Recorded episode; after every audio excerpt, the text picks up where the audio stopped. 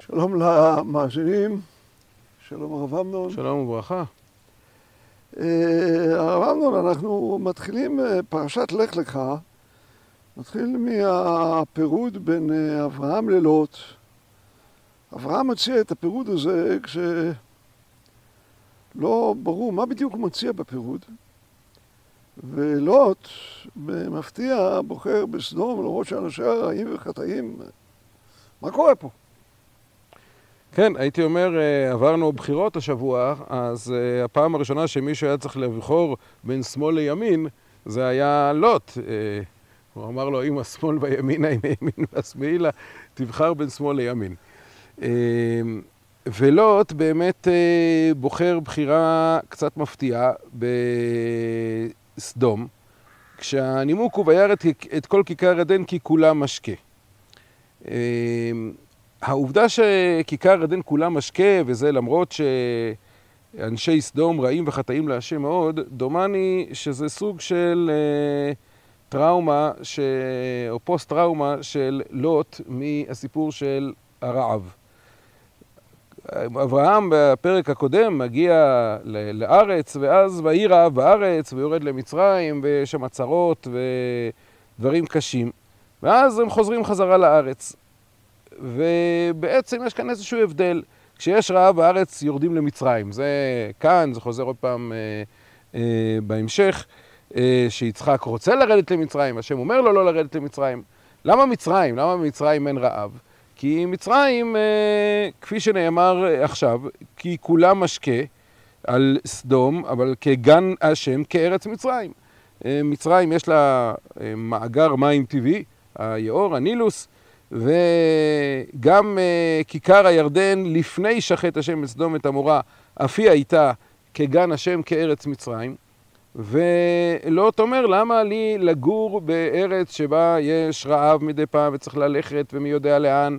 Uh, עדיף לגור במקום שיש בו מים באופן uh, קבוע, ואז אין שום בעיה.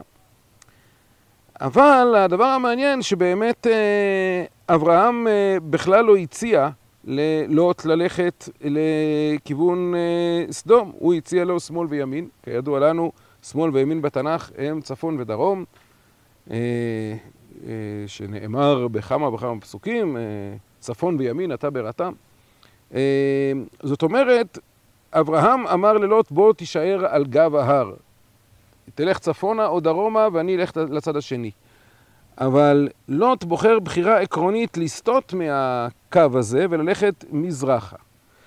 ומה שמתברר זה שדווקא שתי הארצות הללו, סדום ומצרים, ארצות שכולן משקה, בסופו של דבר הופכות להיות לסמל התועבות, אנשי סדום רעים וחטאים להשם מאוד, ומצרים, תועבות מצרים, כי מי שחי במקום שבו יש מים בלי הפסקה, אז הוא לא מרגיש את התלות בקדוש ברוך הוא. וזה מביא לתחושת גאווה ועוצמה שמביאות בדרך כלל לחטאים שבין אדם למקום ולאדם לחברו, כפי שקרה לסדום ולמצרים. ארץ ישראל, כידוע לנו מספר דברים, פרשת עקב, לא כארץ מצרים היא, והיא ארץ שעיני השם אלוקיך בה תמיד מראשית שנה ועד אחרית שנה. דווקא ההזדקקות למי שיושב על ההר, שבאופן קבוע נזקק לחסדי השם, היא זאת שמצמיחה אנשים יותר עם תודעת נמיכות קומה כלפי הקדוש ברוך הוא.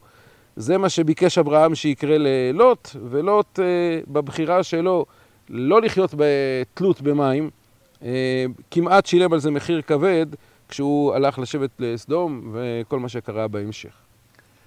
אם אפשר שלוש הערות קצרות. ראשונה, שמה שאתה אומר מאוד מתאים לזה, שהשבוע התחלנו להגיד ותן טל ובטר לברכה. כן. הערה שנייה, אברהם ולוט, בשלב הזה עדיין אברהם ולוט, נמצאים שם באותו מקום בין בית אל ובין העי. ושם הוא אומר לו, עם השמאל וימינה ועם הימין והשמאלה, או אתה צפון, אני דרום, או להפך. וזה מעניין ששם בדיוק במקום הזה הייתה התפלגות הממלכה בין שמאל לימין בימי רחבעם וירבעם. כלומר, רחבעם לקח את כל מה שמהר בעל חצור, כלומר בין בית אל ובין העי ודרומה, בנימין ויהודה, וירובעם לקח את כל מה שמצפון. כלומר, זה אומר לנו שארץ ישראל, יש בה כנראה איזו מסורת עתיקה של יכולת לחלק בין צפון לדרום ולתת שניים, אבל מצד שני זה אומר על אברהם ולוט, שאברהם לא התכוון שהם יהיו שני עמים, אלא שהם יהיו שני שבטים. ממש כמו יהודה וישראל. והערה אחרונה לדברים שלך, שלוט הלך מזרחה, הפסוק אומר, וייסע לוט מקדם.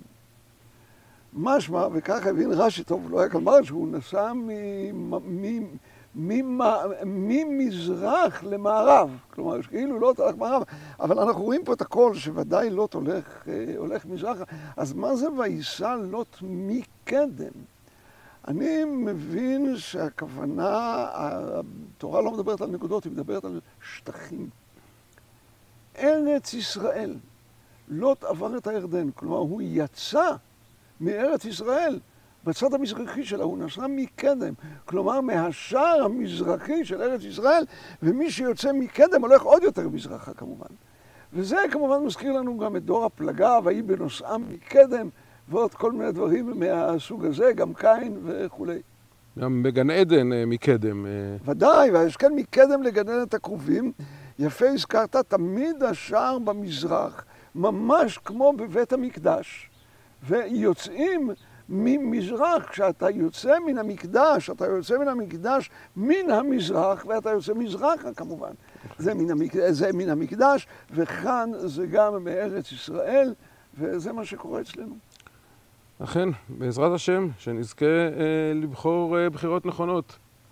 בחירות נכונות, כן, נכון, אמת ויציב. שבת שלום ומבורך. thank you